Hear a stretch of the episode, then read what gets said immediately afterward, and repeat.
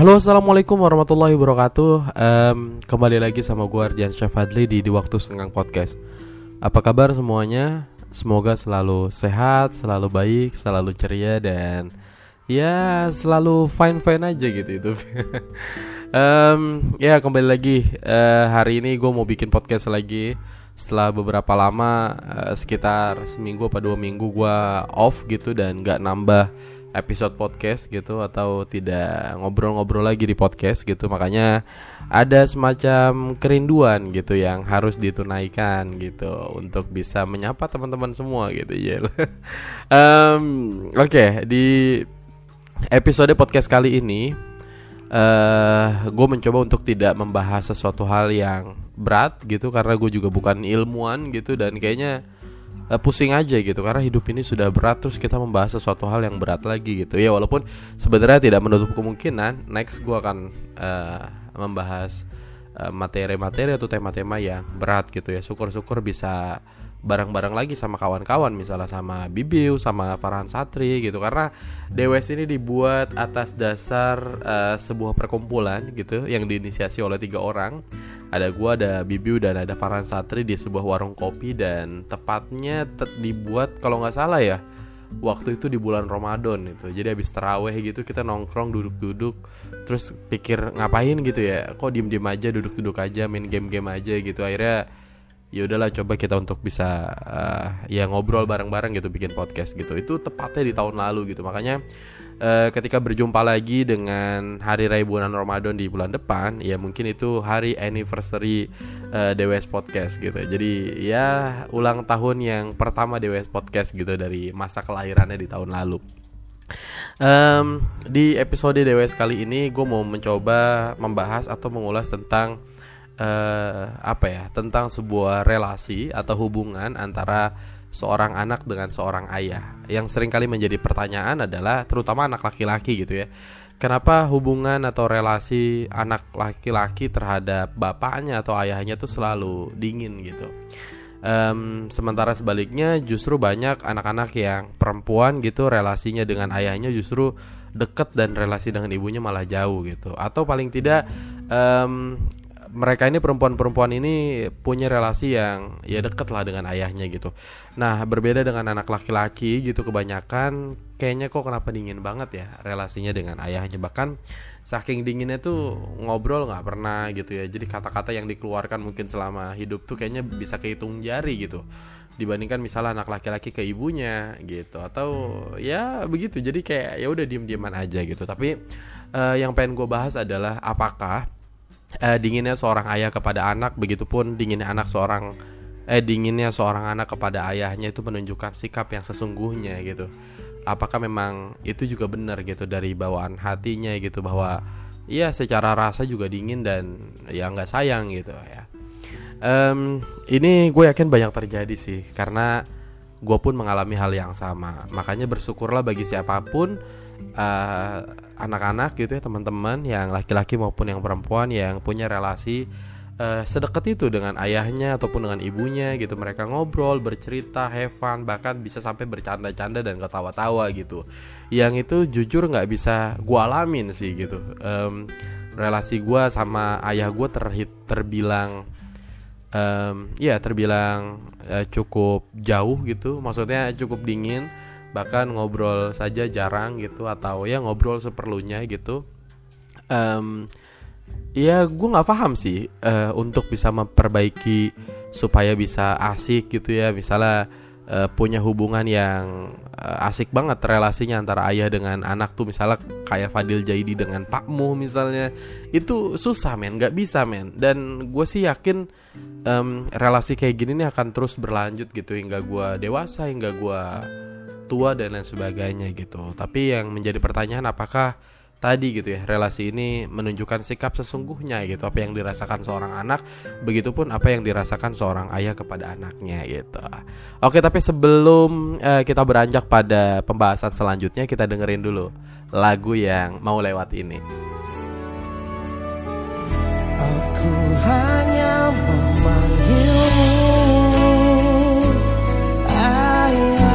saat ku kehilangan. arah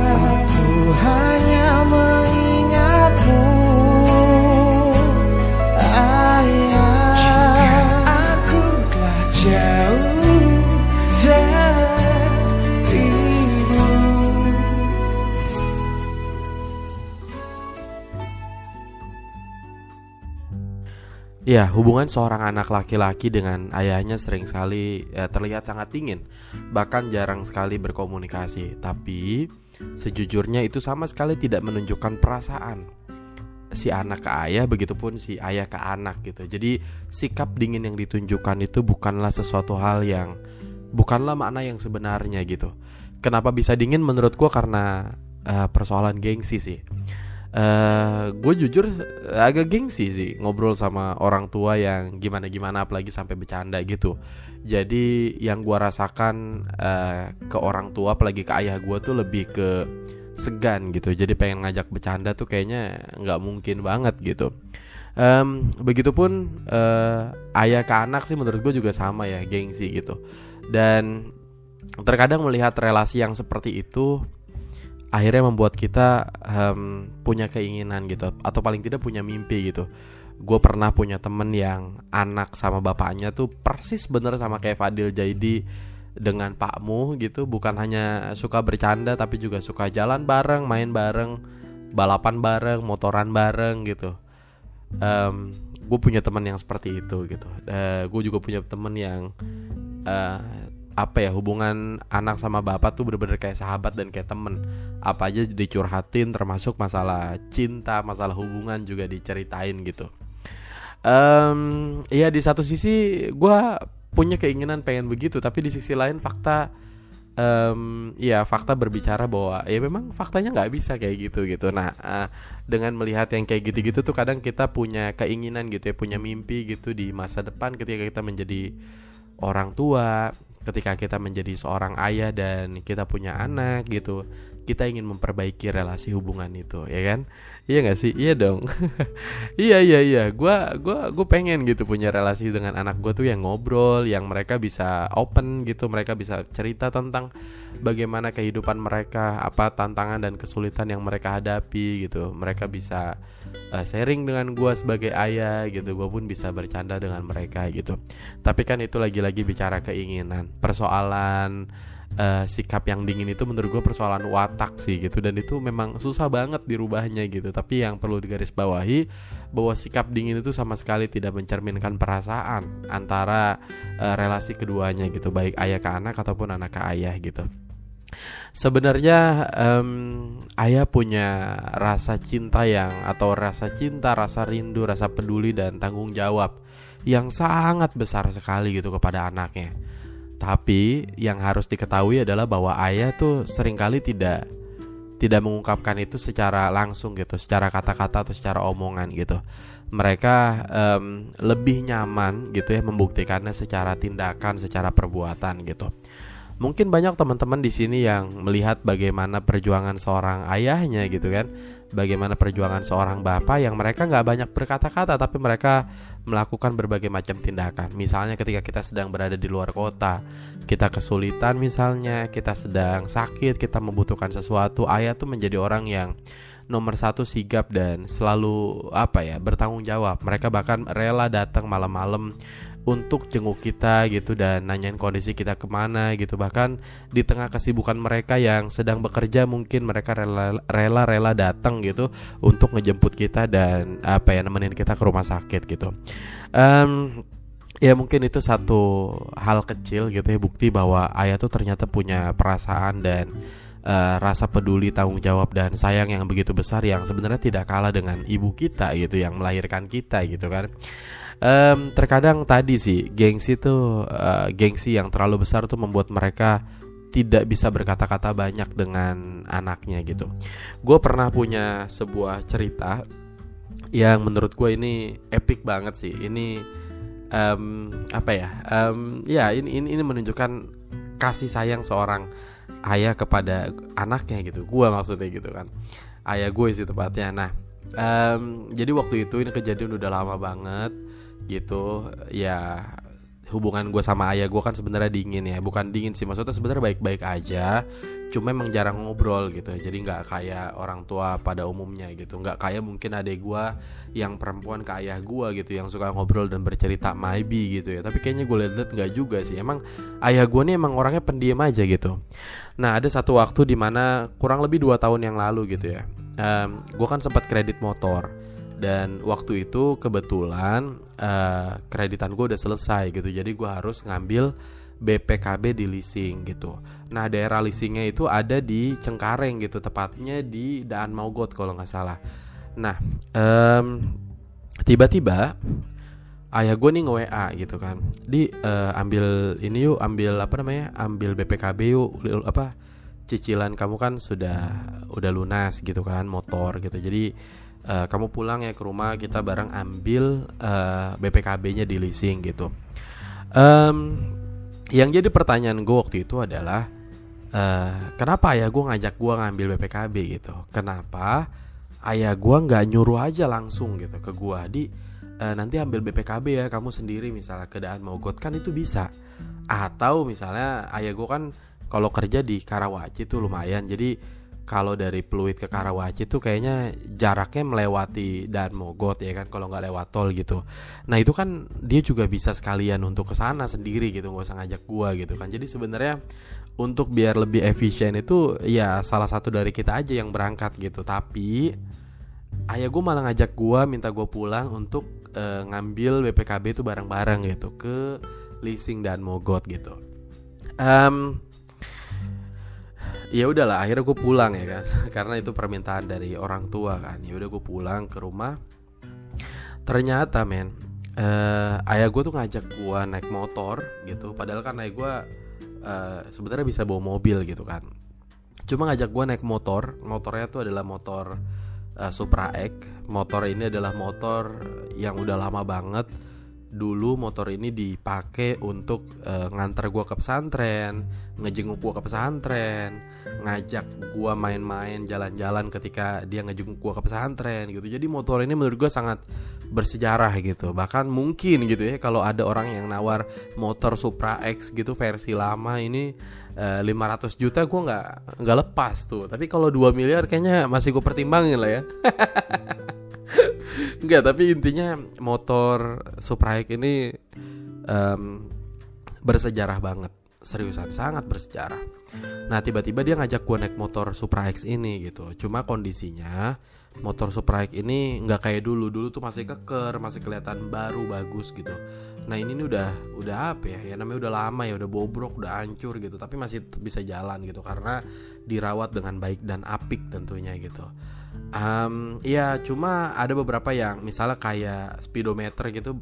Speedometer udah nggak berfungsi pertama. Kedua kaca speedometernya juga udah rada pecah gitu. Kemudian injekan kaki di kanan kirinya juga udah agak meleot gitu. Tapi ya itulah kondisinya gitu ya. Um, namanya juga waktu gitu kan. Uh, jadi ya ya udah tua aja motornya. Akhirnya ayah gue ngajak uh, naik motor. Oke okay lah kita berangkat gitu dia sama sekali nggak ngomong apa pun di perjalanan gitu. Tapi gue memahami betul isyarat yang sepertinya ingin dia sampaikan gitu. Bahwa ternyata uh, sepanjang perjalanan jadi rute perjalanan gue ke tempat leasing itu kan sebenarnya sama dengan rute gue ke pesantren gitu. Jadi pesantren gue nggak jauh lah dari Dan Mogot lah tepatnya di Kalideres gitu. Nah rute yang dilaluinya itu adalah rute ketika dia nganterin gue pesantren gitu. Setiap pesantren misalkan liburan pulang atau kemudian nganterin gue setelah liburan ke pesantren itu melalui rute yang sama seperti yang gue uh, lalui hari ini gitu. Jadi rutenya sama banget gitu. Kalau dari Peluit itu rutenya lewat Pondok Indah eh Pantai Indah Kapuk terus uh, langsung lagi masuk ke Cengkareng langsung lagi lurus uh, terus barulah ke Dan Mogot gitu nah dari situ gue memahami tuh seperti ada yang ingin disampaikan dari dari apa ya? Ya dari ya dari perjalanan gue hari itu gitu. Mungkin ayah gue tidak pernah sama sekali mengungkapkan rasa bahwa dia tuh rindu banget sama gue gitu ya kangen banget sama gue atau apa pun gitu. Karena memang gue jarang pulang gitu gue nggak kos di Ciputat gitu jadi jarang banget ketemu, ketemu orang tua gitu. Nah itu momen di mana gue hanya bisa memahami keadaan sekitar gue memahami setiap tindakan dan perilaku apa pun yang dilakukan oleh ayah gue gitu itu bener-bener seperti mengajak gue ke masa lalu gitu. Gue ngebayangin gitu sih. Jadi kayak ketika perjalanan dan rutenya sama seperti gue 10-15 tahun yang lalu tuh gue ngerasain betul gitu. Jadi kayak uh, eh, gue balik lagi ke masa lalu. Ayah gue seperti ingin menunjukkan bahwa ini loh di masa lalu yang sempat kita lalui bareng-bareng dan kita sedekat itu gitu. Walaupun nggak banyak ngobrol tapi kita banyak melakukan kegiatan yang bareng-bareng lah gitu. Jadi setiap minggu gue kan kalau pesantren itu kadang uh, sering dijemputnya itu tiap minggu sekali atau dua minggu sekali gitu. Jadi gue nggak mau banget sebulan sekali gitu karena gue orangnya kangenan gitu sama orang tua. Nah di pesantren tuh hubungan gue dengan orang tua cukup deket karena um, apa ya gue dulu segampang itu menyatakan kalau gue tuh ya pengen dijenguknya sering lah gitu sama orang tua karena gue orangnya nggak bertahan gitu kan. Um, nah uh, singkat cerita dalam perjalanan tuh gue gue kayak semacam kilas balik gitu. Semacam diajak mundur ke memori beberapa tahun yang lalu gitu dan ayah gue seperti ingin menunjukkan bahwa ini adalah perjalanan yang pernah kita lalui bareng-bareng gitu. Kita lewat pantai Indah Kapuk gitu kita menggunakan motor Supra X gitu kita um, ya menjadi apa ya ya itulah mengikuti perjalanan itu itu gue kebayang banget gitu. Cuma bedanya kalau dulu mungkin gue diantar ketika naik motor di bonceng itu gue masih pakai peci pakai baju koko pakai sarung gitu kan. Kemudian motornya juga beda banget. Kalau dulu spionnya lengkap ada dua kalau sekarang tuh malah spionnya cuma satu sebelah kanan doang yang kiri udah nggak ada coplok ke mana gitu. Ini um, di situ gue baru memahami gitu bahwa ternyata dia punya perasaan yang begitu besar ke gue rasa rindu dan kangen ke gue kalau gue ngebacanya gitu ya ke gue gitu. Tapi itu tidak bisa diungkapkan secara langsung atau secara kata-kata gitu. Ternyata seorang ayah punya gengsi yang mungkin besar banget sehingga itu mengalahkan rasa keinginan untuk bisa mengungkapkan itu secara kata-kata gitu. Makanya hal itu yang dilakukan gitu beda mungkin uh, dengan seorang ibu ya. Mungkin dia bisa saja mengucapkan rasa kalau dia rindu dia kangen dan minta kita balik ke rumah gitu untuk ketemu orang tua dan lain sebagainya gitu. Um, itu salah satu uh, apa ya salah satu uh, hal yang pernah gue alamin gitu hal terepik gitu di mana uh, menurut gue itu sangat ini juga sih sangat romantis juga gitu. Dan di situ gue memahami bahwa ternyata um, ya meskipun hubungannya dingin gitu jarang ngobrol seorang ayah punya tanggung jawab yang besar kepedulian yang besar dan rasa kangen yang besar gitu. Um, tentu banyak lagi gitu ya perjuangan-perjuangan uh, seorang ayah yang mungkin kita nggak bisa melihat itu secara kata-kata tapi kita bisa merasakannya secara tindakan gitu. Misalnya ketika uh, kuliah mungkin. Kalau gue sempat ngalamin kuliah tuh dianterin sama dia gitu sama ayah gue gitu bahkan dianterinnya nggak bukan hanya sampai kampus tapi sampai warnet gitu. Dibimbing bagaimana gue ngedaftar uh, apa ya ujian uh, tes mandiri dokumen-dokumennya dilengkapi gitu. Padahal apa?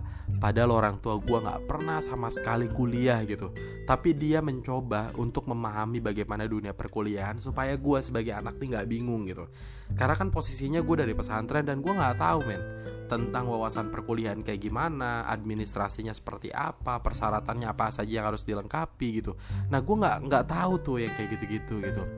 Nah ayah gue pun nggak tahu gitu. Sehingga gue membutuhkan orang yang tahu gitu. Nah ayah gue itu menunjukkan sikap bertanggung jawab even dia nggak tahu tapi dia berusaha untuk tahu gitu.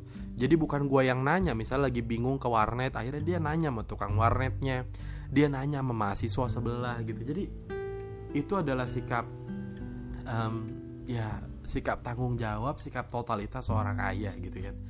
Um, sebenarnya gue membicarakan dan membahas uh, ayah ini bukan dalam rangka hari ayah gitu. Tapi nggak tahu mengapa ada hal yang kayaknya seru nih gitu. Karena beberapa hari lalu gue sempat ngobrol gitu ngumpul ngopi gitu sama kawan-kawan dan membahas. Tiba-tiba dalam sebuah obrolan tuh membahas tentang kasih sayang seorang ayah dan relasi anak ke ayah tuh seperti apa gitu.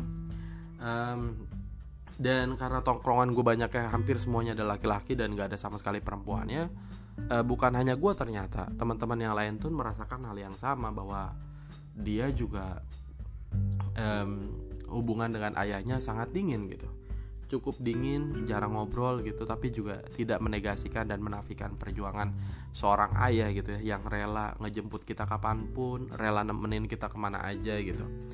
Um, ya mungkin itu adalah uh, sekelumit gitu ya beberapa uh, ya cerita gitu tentang perjuangan seorang ayah tanpa gua menafikan atau menegasikan perjuangan seorang ibu gitu. Jadi ibu dan ayah nih dua sosok yang sebenarnya punya kasih sayang yang sangat besar. tidak ada persaingan mana yang lebih sayang ke kita gitu. Hanya saja cara mengekspresikan rasa sayangnya rasa rindunya rasa kangennya itu punya style masing-masing gitu. Punya perbedaannya masing-masing gitu. Um, balik lagi misalnya uh, gue yakin ketika kita merasakan hubungan relasi yang cukup dingin dengan seorang anak akhirnya membuat kita berpikir untuk ah ke depan gue ketika punya anak gue pengen sangat itu gitu. Gue pengen bisa ngobrol gue pengen dia supaya bisa bercerita terbuka sama gue apa pun yang mereka hadapi dalam kehidupannya gitu. Tapi balik lagi men ini soal karakter gitu. Kadang apa yang kita inginkan kita mimpi-mimpikan itu ketika kita punya anak tuh tidak begitu gitu. Kadang anak kita lebih tetap lebih tertutup gitu. Kadang kitanya keinginan untuk terbuka dan dekat sama anak tuh besar dan pengen banget bisa ngobrol tapi kayak ada dorongan watak di mana kita nih emang gak bisa buat ngobrol dan seasik itu gitu ada mungkin satu sisi kita seorang ayah kayaknya nggak enak deh nggak etis juga kalau kita uh, ledek-ledekan atau kata-kataan sehingga itu mengurangi wibawa kita sebagai seorang ayah gitu. Jadi uh, banyak hal-hal yang uh, di luar gitu uh, ekspektasi bukan di luar ekspektasi maksudnya banyak hal-hal di luar uh, apa ya ya di luar yang kita rencanakan yang mungkin akan terjadi di kemudian hari gitu. Yang ngebentuk kita relasinya seperti itu. Tapi sebenarnya yang menjadi poin utama atau titik tekan bahwa um, hubungan atau relasi yang dingin gitu sikap kita yang dingin kepada anak gitu atau anak kepada kita bukan sama sekali tidak sama sekali menunjukkan bahwa uh, itulah yang kita rasakan ke dia gitu. Tapi di balik itu sebenarnya ada cinta yang besar uh, kasih sayang yang besar yang kita nggak bisa ungkapin gitu hanya karena mungkin masalah gengsi dan lain sebagainya gitu. Um, ya mungkin itu uh, terima kasih uh, buat siapa pun yang um, telah ya buat siapa pun terutama buat para ayah gitu yang telah berjuang habis-habisan gitu dan ya bertanggung jawab juga dan peduli dan memberikan rasa cintanya dengan sepenuh hati walaupun dengan ekspresi yang tidak bisa diduga-duga gitu dan buat para anak gitu ya gue juga sebagai anak dan siapa pun gitu juga sebaiknya memahami bahwa ekspresi cinta seorang ayah tuh beda banget dengan ekspresi uh, kasih sayang atau cinta yang ditunjukkan oleh seorang ibu sehingga kita tidak berprasangka negatif kepada ayah kita gitu. Seakan-akan menganggap bahwa mereka tidak peduli dengan kita mereka tidak sayang dengan kita gitu. Padahal di balik itu mereka sangat uh, sering sekali memikirkan kita gitu mungkin mendoakan kita gitu. Nah ini juga harus dibalas dengan doa-doa terbaik gitu uh, yang kita sampaikan kepada mereka semua. Um, juga selamat buat kalian gitu teman-teman para pendengar podcast yang telah berani uh, memutuskan untuk uh, menjadi seorang ayah gitu ya memiliki seorang anak. Gue berharap uh, dan pesan gue gitu sebagai orang yang belum nikah dan mungkin next akan nikah gitu semoga saja. Um, ya pesan gue tetaplah menjadi seorang ayah yang bertanggung jawab. Nggak usah apa ya minder kalau kita kita punya sikap yang dingin dengan seorang anak. Barangkali itu adalah watak kita tapi banyak sekali cara yang bisa kita tunjukkan untuk um, membuktikan bahwa kita tuh cinta kepada anak-anak kita gitu. Um, ya juga terima kasih kepada para ibu yang telah berkorban dan memikirkan anaknya, terutama pendidikan. Banyak orang-orang tua gitu ya, ayah kita, ibu kita yang mereka tuh sebenarnya nggak nggak sekolah gitu, ya kan? Atau mereka sekolah tapi nggak tinggi nggak sampai kuliah gitu. Tapi ketika um, ya mereka menjadi seorang ayah dan seorang ibu mereka punya mimpi yang tinggi supaya anak-anaknya juga bisa sekolah sampai S1, S2, S3 bahkan profesor gitu. Jadi terima kasih banyak gitu. Uh, mungkin dengan pendidikan itu adalah cara terbaik untuk merubah um, ekonomi, merubah kehidupan masa depan anak kita gitu walaupun mereka tidak tidak berpikir uh, bagaimana mereka akan merubah nasibnya mungkin ya karena sudah tua dan lain sebagainya gitu. Kadang gue mikir kasih sayang orang tua tuh sama kayak kita menanam pohon kelapa atau sama mereka seperti mereka menanam pohon kelapa. Nanam pohon kelapa itu kan nggak singkat ya butuh waktu yang lama dan bertahun-tahun gitu. Jadi mereka menanam. Nah hasil tanamannya itu ternyata bukan untuk mereka dan mereka sudah menyadari itu dari awal gitu. Gue menanam pohon kelapa hari ini supaya pohon kelapa ini bisa dinikmati oleh keturunan gue atau generasi-generasi gue ke depan gitu. Jadi ya mungkin itu sedikit uh, filosofi gitu ya. Um, ya mungkin itu dan terima kasih semuanya. Bulan depan kita sudah mau menyambut bulan suci Ramadan. Uh, kami gitu ya gua uh, dan mewakili gitu teman-teman di waktu senggang podcast um, tentu mengucapkan um, minal aizin wal faizin mohon maaf lahir dan batin takabbalallahu minna wa minkum wa taqabbal ya karim selamat menunaikan ibadah puasa semoga kita bisa dipertemukan dengan puasa-puasa selanjutnya dan besok kita bisa uh, ketemu dengan puasa lagi dengan bulan puasa di bulan suci Ramadan. Um, ya DWS hadir di bulan suci Ramadan. Semoga ini menunjukkan apa ya uh, petanda baik gitu ya bagi semakin berkembangnya DWS gitu ya juga semakin berkembangnya para pendengar DWS gitu. Um, gue sih tidak berharap muluk-muluk gitu ya. Gue harapkan semoga uh, eh, gue bisa sehat dan membersamai teman-teman gitu ya. Teman-teman yang lain Bibiu, Farhan Satri juga rekan-rekan gue DWS yang lainnya juga tetap pada sehat dan bisa bergabung lagi misalnya dengan DWS gitu di tengah kesibukan mereka gitu. Dan kawan-kawan para pendengar juga bisa sehat lagi karena kita sudah merasakan um, puasa dan Idul Fitri selama 2 tahun atau tiga tahun 2 tahun ya dua tahun dalam kondisi COVID-19 gitu yang akhirnya yang seharusnya Idul Fitri ini menjadi momen kebersamaan, momen kita bisa ketemu dengan siapa pun keluarga kita, orang tua kita, saudara-saudara kita, eh, nenek kita di kampung atau di banyak tempat di daerah-daerah lain justru akhirnya terhambat dan membuat kita tidak bisa bertemu dengan mereka karena uh, apa adanya pembatasan dan lain sebagainya gitu ya. Semoga di Ramadan kali ini tetap berbeda terawihnya tetap rame lebarannya rame gitu dan kita bisa pulang kampung dan apa ya bertemu dengan mereka semua gitu para keluarga keluarga besar kita semua gitu ya.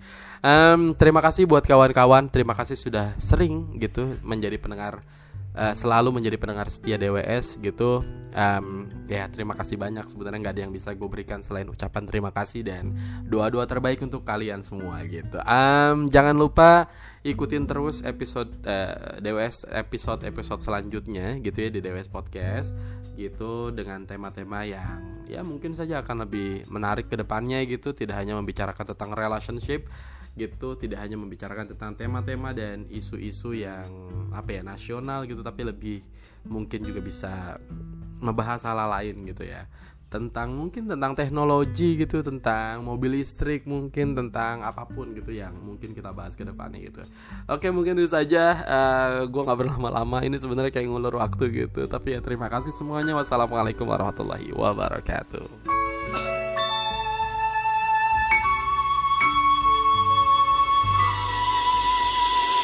Engkaulah nafasku Yang menjaga di dalam hidupku. Kau ajarkan aku menjadi yang terbaik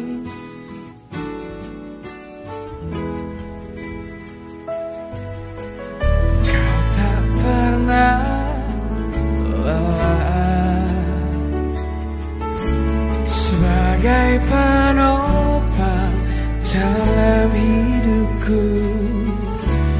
Kau berikan aku semua yang terindah. Aku hanya memanggilmu. Ayah Di saat ku